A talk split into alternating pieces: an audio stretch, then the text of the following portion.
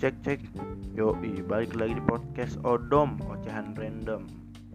Kali ini udah episode 4 ya. Dan kali ini gue mau ngomongin tentang repost story ulang tahun. Awalnya gue pikir ini norak ya. Tapi makin ke sini gue mikir Temen-temen gue ini ngepost muka gue di story mereka. Mereka ngebuang satu slot mereka di Instagram story yang sebenarnya mereka bisa pakai buat ngepost apa pun. Tapi mereka milih ngepost muka gue buat nunjukin ke, ke followers followersnya bahwa gue lagi ulang tahun. Respect. Itu satu. Yang kedua waktu gue ulang tahun-tahun ini ya gue nggak dapet kesenangan yang biasa gue dapetin di tahun-tahun sebelumnya di real life.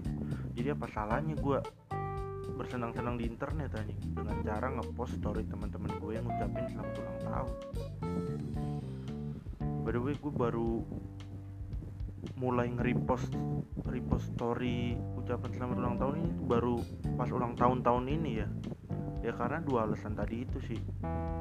Jadi buat lu semua yang dengerin ini, kalau lu beranggapan ngepost story orang-orang yang ngucapin selamat ulang tahun itu norak dan nggak mau lu lakuin ya udah apa-apa tapi lu nggak usah pada rese ngata-ngatain kita yang repost repost ini norak. Lagian fitur Instagram Story ini menurut gue emang dibuat untuk norak untuk pamer. Jadi kalau lu nggak suka ngelihat yang norak lu nggak suka ngelihat yang pamer ya udah nggak usah dilihat tai ribet lu.